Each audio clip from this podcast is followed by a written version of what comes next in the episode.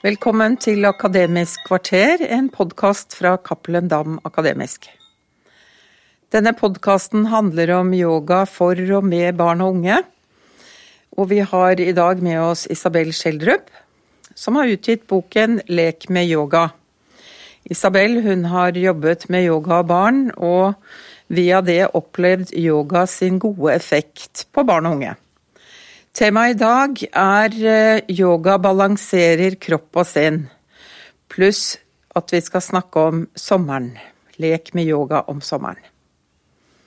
Eh, Isabel, din påstand er at yoga kan virke balanserende på kropp og sinn, også for barn og unge.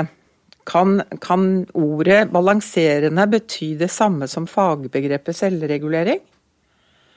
Og kan du fortelle meg mer hvordan og hvorfor yoga virker nettopp sånn? Balanserende, ja. Ja. Mm. Um, det gjør jeg gjerne.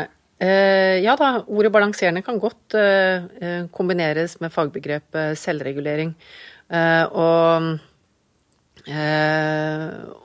og hva betyr selvregulering? Jo, det betyr Altså det er, en, det er kapasiteter eller evner vi fra barnsben av utvikler i større og større grad.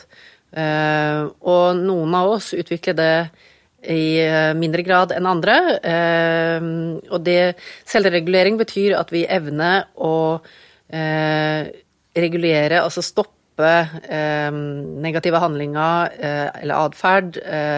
stoppe impulsene som kommer, regulere følelsene våre og tankene våre. Sånn at vi lettere kan på en måte mestre det som ja, av de opp- og nedturene som livet også har å um, bringe med seg. Sånn, men eh, det er ganske vanskelig å kunne eh, regulere seg sjøl hvis ikke du har lært det eh, fra mammaen og pappaen din eller de som skulle ta vare på deg. Det er liksom der det starter. Eh, og så er det sånn at hvis du da har opplevd det som kalles for utviklingstrauma, det betyr at du har opplevd trauma som eh, har blitt påført deg av de som du skulle føle deg trygg med når du var liten, så skjer det ting i eh, hjernen vår uh, som gjør at det er vanskeligere for oss å, å regulere oss sjøl og klare å på en måte ha den atferden eller den væremåten som samfunnet rundt oss ønsker at vi skal ha. Da. Og da blir det litt vondere å være oss. Og så kan det også være eh, litt vanskeligere å bli likt av andre, rett og slett. Så selvregulering er viktig på veldig mange eh, måter. Eh, både for å få det bedre sjøl, men også for å eh, finne vår tilhørighet med andre, klare å ha et, et ordentlig sosiale relasjoner med andre, da. Og så spurte du om, eh, om eh, hvorfor, eller hva det er med yoga som kan virke inn på selvregulering, evnen til selvregulering, hva er det som kan gjøre at uh, kan, yoga kan virke balanserende. Mm. Um, det er jo sånn at uh, man har sett i forskning da, at, uh, at yoga påvirker de delene av hjernen som f.eks. da man kan bli værende mer i den eh, Man kan tenke at hjernen er sånn Den er litt som et kinderegg. Den er tre i én. Eh, eh, og man kan tenke at den er liksom bygd opp Den har tre lag, da. Eh, så det første laget, det er eh, kan vi kalle for reptilhjernen, eller overlevelseshjernen. Det er en sånn gammel del som har, utviklingsmessig som har vært med oss som mennesker fra langt, langt, lang tid tilbake. Og så har vi en annen del av hjernen eh, som kan kalles for eh, emosjonshjernen. Eh, og det er, liksom der følelsene våre kan, kanskje kan sies å bo, og relasjonen vår med andre kan sies å bo. Og så har vi en tredjedel av, av hjernen som kan kalles for lærehjernen eller logikkhjernen. Og den er det som utvikles senest. Og så er det sånn da at eh, når vi da skal lære eh, utvikle selvreguleringsevnen, så er det sånn at det bygges nedenfra og opp, da. Sånn at eh, eh, vi starter med å ha, være mest i overlevelseshjernen. For det er det vi trenger når vi er små. Vi trenger å overleve. Vi trenger å kunne vise omverdenen 'ta vare på meg' eh, på forskjellige måter. og så er også emosjonshjernen en del kobla på. eh, For å, at vi skal kunne ha et samspill med andre mennesker rundt oss. Um, og så etter hvert så blir mer og mer da den uh, logikkhjernen kobla på. Um, men hvis vi har opplevd disse utviklingstraumene og sånt, så er det ikke så lett. Da modnes ikke den logikk- eller lærehjernen så lett. Og så blir vi lettere værende i, uh, i overlevelsesstrategiene, altså frykt, flukt eller frysmekanismene. Um, og det er jo et ganske vondt sted å være.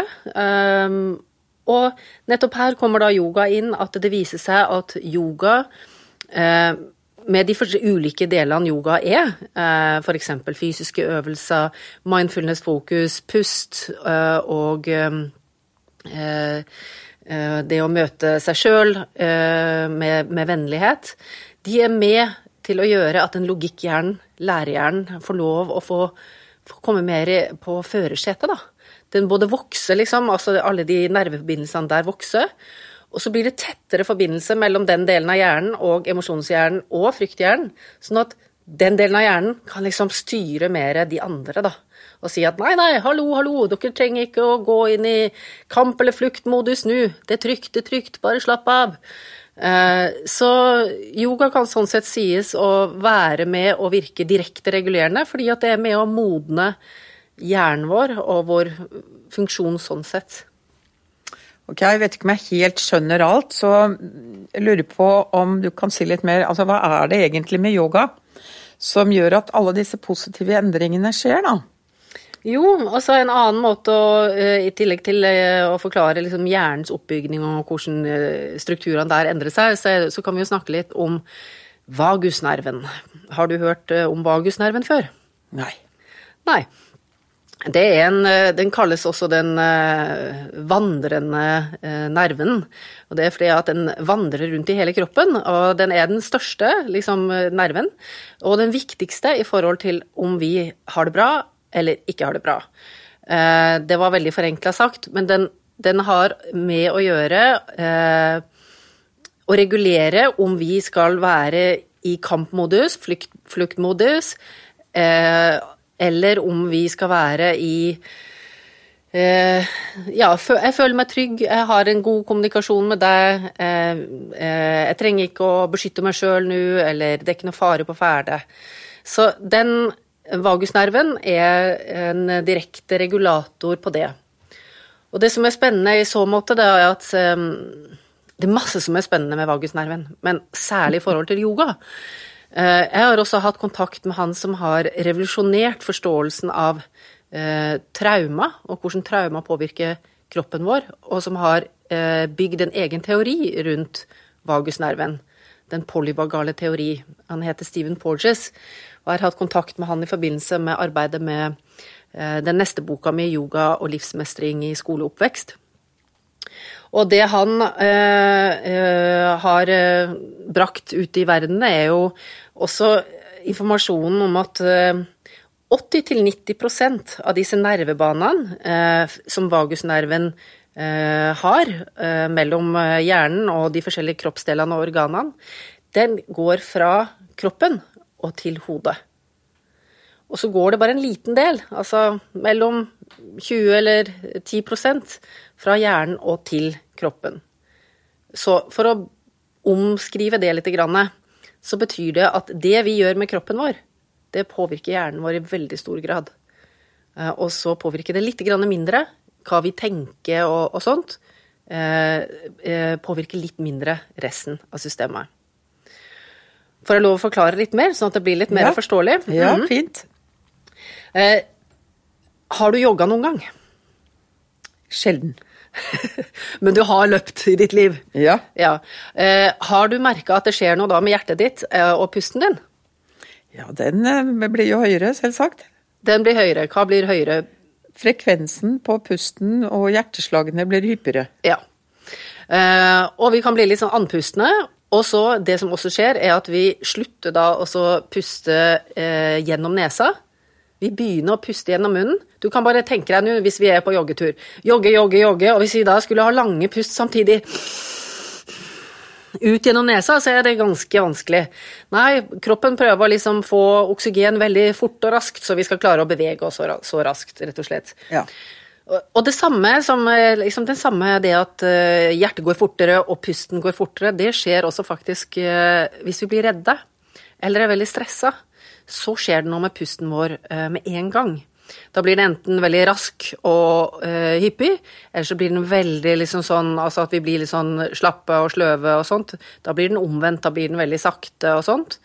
Du, du kan jo også tenke deg når, du, når dere har vært lei dere og, øh, og, ordentlig, ordentlig, ordentlig trist, så skjer det noe med pusten da òg. Bare sånn Eller det skjer noe skikkelig fælt, så, så, kjenner vi det med en gang i pusten. Så pusten er liksom kjempetett knytta til den vagusnerven, og om vi er i en stressa eh, tilstand eller ikke. Det vil da si at hvis vi kan lure kroppen litt, vi. Mm. Hvis vi begynner å jobbe med eh, pusten, eh, sånn som vi gjør i yoga, med å ha lange inn- og utpust gjennom nesa, eh, så forteller vi kroppen at du trenger ikke å være så stressa det er ikke farlig. Du kan slappe av. Eh, du trenger ikke å være i beredskap nå.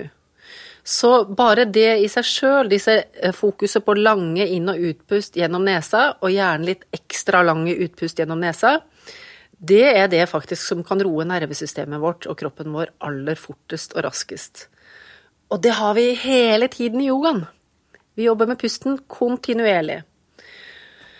Så det er én måte vi kan via øh, øh, å påvirke da vagusnerven kan roe oss ned, og som dermed kan gjøre at vi blir mer balansert og får mer sinnsro. Uh, men vi kan jobbe på andre måter i yoga også, uh, med, uh, med vagusnerven. Skal jeg fortelle litt om det òg? Ja, det syns jeg. Um, jo, det kan jo være sånn at for eksempel Eh, så har vi et sånn knutepunkt til eh, vagusnerven som ligger helt øverst i magen. Har eh, du, Inger Johanne, eller du der hjemme, noen gang har kjent Hvis dere blir veldig redd eller skrekkslagen et øyeblikk, så kan man kjenne det sånn hugge til i magen. Mm. Ja. Jeg har i hvert fall kjent det flere ganger. Ja. Og da kan man gjerne kjenne det helt sånn øverst mm. i magen. og det er Der sitter liksom dette kjempestore senteret til vagusnerven. Og der det kommer forgreninger ut til organene våre, osv. Så, videre.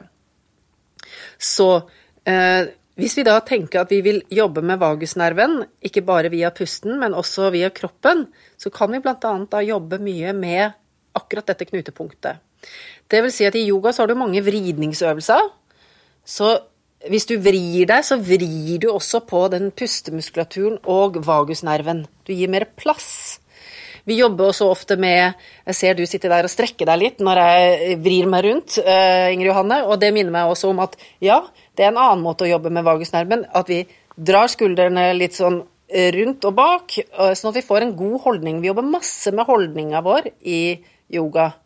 Det gir plass til eh, vagusnerven, sånn at den ikke blir sammentrykt og ikke får funka helt sånn som den skal. Um, og så jobber vi også mye med lyd, f.eks. Og en av forgreningene til vagusnerven er til stemmen vår. Så du kan jo høre at hvis noen er veldig redd, så, eller veldig lei seg, så skjer det noe med stemmen vår. Uh, og, uh, og det, det, igjen forteller da til vagusnerven at 'Å, oi, oi, oi, nå skjer det noe', og så forteller det noe igjen til hjernen, og så forteller det noe igjen til kroppen. Så hvis vi da jobber med lyd som vi gjør i noen av pusteøvelsene, f.eks. Biepusten eh, er et eksempel på det. Eh, så vil vi eh, påvirke vagusnerven og bli roligere av den grunn. Påvirke den positivt. Så det er noen av de måtene. Ja, mange gode tips å ta med seg her. Men vi skal jo også snakke litt om yoga om sommeren. Og i boken din viser du, Isabel, hvordan du kan gjøre disse øvelsene utendørs. Eh, jeg synes dette kapitlet er så vakkert illustrert med alle barna som gjør yoga på stranden, og jeg tenkte at det kan være litt ålreit for oss alle å få høre litt mer om yoga om sommeren. Mm. Nå er det jo sånn at i denne Lek med yoga-boka mi, så har jeg delt opp boka i de fire årstidene. Og for, hver, for hvert kapittel så har jeg fortalt en liten intro om hva er det som skjer om sommeren. Eller lage en scene, på en måte. Og så har jeg valgt øvelsene som passer til det. Så den scenen som har med sommeren å gjøre, det er at det er et veldig vakkert bord som er dekka med blomster, og det er liksom dekka til sommerfest. Eh, man kan se noen delfiner i det fjerne som hopper, en sel som loffer langs eh, eh, strandkanten. Og så er det jammen en krokodille som lurer i vannkanten, og en slange som er på jakt etter mus, og sånne ting. og det har vi da eh, lagd øvelser til som illustrerer, så vi leker oss med yogaen. Eh, og eh, da er vi da eh, slangen som er på jakt etter den musa sammen. Eh, eller vi eh, øver opp fleksibiliteten og lekenheten og styrken til delfinen i øvelsen delfinen. eller vi er faktisk det dekka bordet. Så ja, sånn er det det kapitlet er bygd opp. Og så er det jo også da viktig å minne om at selvfølgelig må du ikke gjøre disse yogaøvelsene ute. Selv om jeg har vist at du kan gjøre det ute, så må du gjerne gjøre det inne. Og du kan gjerne selvfølgelig også bruke sommerens yogaøvelser om vinteren om du har lyst til det. Men det er i hvert fall sånn jeg har eh, bygd opp. Ja. Eh, mm. Men du tenkte du skulle ta oss gjennom en liten meditasjon? Jeg har gledet meg til det i hele denne episoden, jeg. Ja. ja, så fint. Det er en liten avslapningsøvelse. Eh, og den heter spagettitest, eller spagettistund. Eh, og da kan du som hører på, og du Inger Johanne, enten legge dere ned på gulvet, eller bare sette dere godt til rette. Begge deler går bra i denne øvelsen her. Når jeg gjør det med barna, så pleier vi å være liggende på gulvet da. Så eh, ut ifra den posisjonen som du har valgt, eh, så tenk nå på spagetti. Ukokt spagetti. Og den er jo Hva er den, Inger Johanne?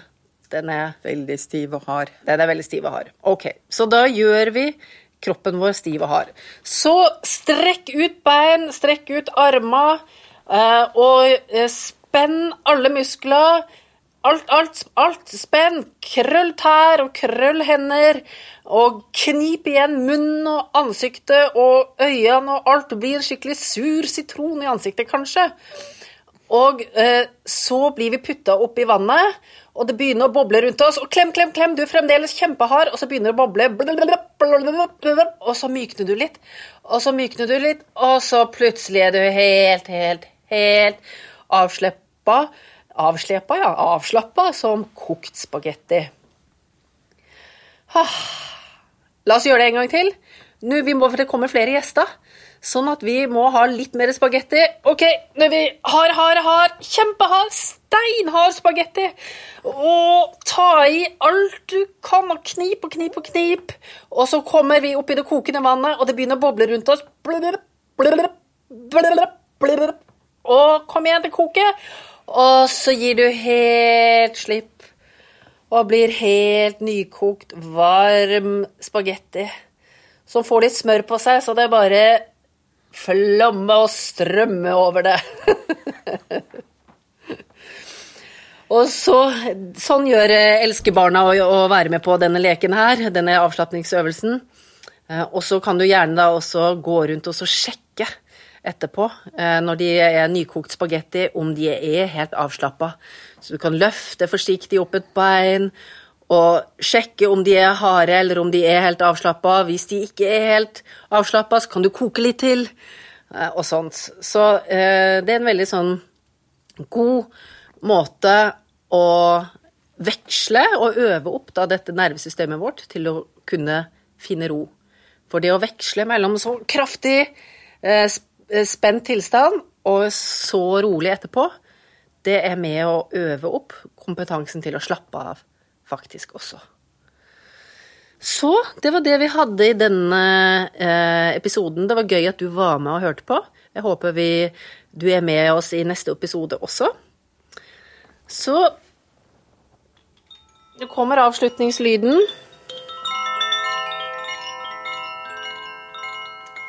Dere har nå hørt en episode av Akademisk kvarter, en podkast av Cappelen Dam Akademisk. Boka Lek med yoga kan kjøpes i butikk eller på nett.